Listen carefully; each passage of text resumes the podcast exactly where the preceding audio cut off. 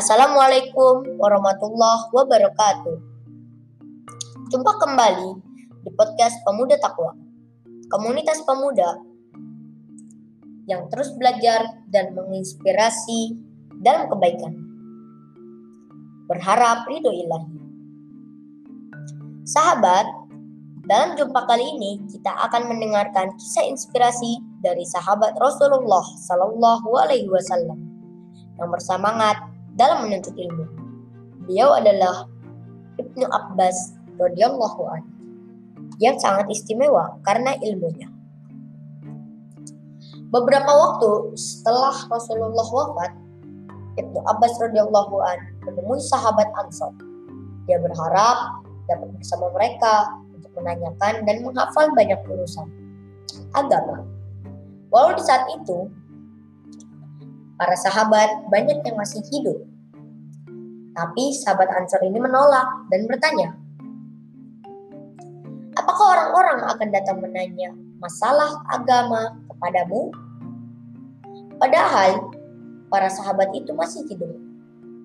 Tapi Ibnu Abbas radhiyallahu an tidak pernah berhenti.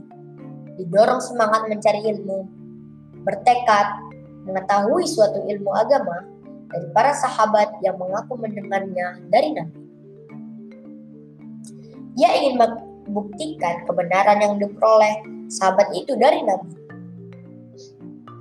Maka ia pun selalu bertanya, seraya bersikuku bahwa ilmu yang diperolehnya tidak pernah sia-sia. Kebanyakan ilmu yang aku dapatkan adalah dari kaum Ansor. Kata Ibnu Abbas, di mana pun keberadaannya, para sahabat dia akan mencarinya untuk menghafalkan persoalan agama. Membaca kisah keponakan Nabi ini saat menuntut ilmu sungguh mengharukan. Sikap rendah hati bagi seorang murid di hadapan seorang guru. Ibnu Abbas radhiyallahu an adalah contoh ideal tentang itu. Tindak tanduk, pengorbanan, dan kesungguhannya patut ditiru seperti yang ia tuturkan dalam kisahnya berikut. Suatu ketika aku ingin menemui seorang sahabat untuk urusan agama. Kebetulan saat aku hendak masuk rumahnya, dia sedang tidur. Maka aku hampar kain untuk duduk sambil menunggu di depan rumahnya. Sehingga muka dan tubuhku kotor oleh debu, dan pasir. Meski demikian, aku setia duduk menunggu di pintu rumahnya. Setelah ia bangun, aku bertanya kepada mengenai masalah yang terjadi dan mengenai maksud kedatanganku. Sahabat ini berkata, Engkau adalah keponakan Rasulullah.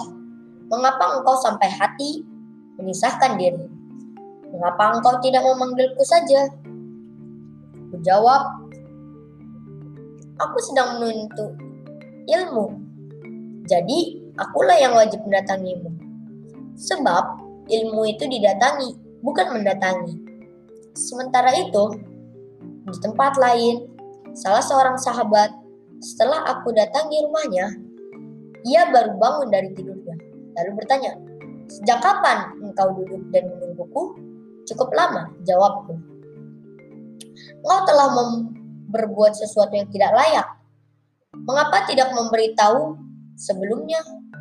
Aku tidak ingin hajat tertunda karena kepentinganku. Jawabku. Ibnu Abbas radhiyallahu an bermaksud hendak menenangkan tuan rumah. Dan betapa sikap ini menunjukkan kalau keponakan Rasulullah ini sangat merendahkan hati dalam menuntut ilmu dan sangat menghargai kedudukan guru. Kisah ini tidak berhenti sampai di sini. Kali kali waktu Zaid bin Tasbih, juru tulis wahyu dan sahabat yang hendak termuk, terkemuka dalam keadilan, fikih, kiroah, faraid, hendak menaikkan keledainya. Ibnu Abbas segera berdiri untuk memegangi dan menuntun kedelainya. Zaid bin Tasbih pun merasa sungkang dan buru-buru melarangnya. Hentikan itu, wahai putra paman Rasulullah. Begitulah kita suruh berbuat terhadap ulama-ulama kita? Jawab Ibnu Abbas dengan tenang. Bin Tasbih tak kehabisan akal. Lalu katanya, coba perlihatkan tanganmu. Ibnu Abbas mengeluarkan tangannya dan langsung dicium oleh Zaid bin Tasbih seraya berujar. Beginilah kita diperintahkan untuk berbuat kepada keluarga Nabi kita. Ibnu Abbas sangat rajin menuntut ilmu, sampai derajat yang menakjubkan banyak orang.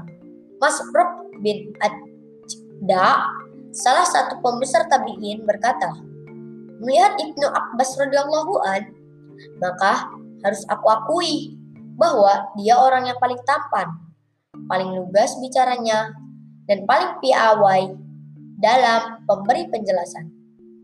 Setelah cukup menimba ilmu, Ibnu Abbas pun mulai mengajar. Rumahnya menjadi jamiah atau perkumpulan bagi kaum muslimin. Benar-benar sebuah jamiah dengan keseluruhan kelengkapannya yang dimaksud pada masa kini Bedanya jamiah-jamiah pada zaman ini dipenuhi sejumlah tenaga pengajar, sedangkan jami Ibnu Abbas tegak di atas bahu satu guru, yaitu dia sendiri. Di samping memberikan pelajaran-pelajaran khusus, Ibnu Abbas sangat memperhatikan hak-hak orang awam. Untuk itu, dia menyelenggarakan majelis majelis penuh nasihat untuk mereka. Majelis ini menarik perhatian banyak orang, sehingga mereka terkagum-kagum dengan kapasitas keilmuan Ibnu Abbas. Bahkan setiap cendikiawan yang duduk di depannya selalu tunduk kepadanya. Dan setiap orang yang bertanya selalu mendapat jawaban yang memuaskan. Karena keilmuan yang sangat luas, Ibnu Abbas mampu mencapai kedudukan sebagai penasihat khalifah walaupun usianya masih muda. Setiap kali menghadapi kesulitan, Amirul Mukminin Umar bin Khattab selalu memanggil sahabat-sahabat utama termasuk Abdullah bin Abbas radhiyallahu an. Bila dia datang, diberinya tempat duduk di sisinya, lalu berkata, kami menghadapi kesulitan dalam hal-hal yang engkau ahli. Di dalamnya ada orang-orang sepertimu.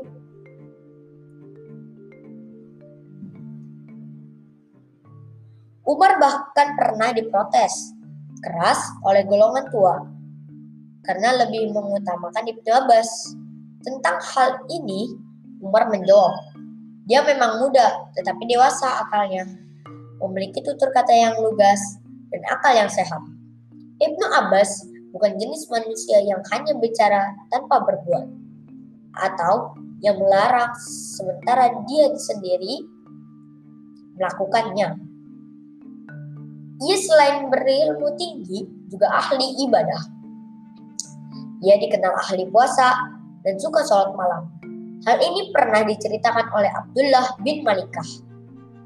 Ketika ia menemani Ibnu Abbas dalam perjalanan dari Mekah ke Madinah, Bila kami istirahat di suatu rumah, dia akan bangun di sebagian malam, sementara orang-orang tidur kepayahan.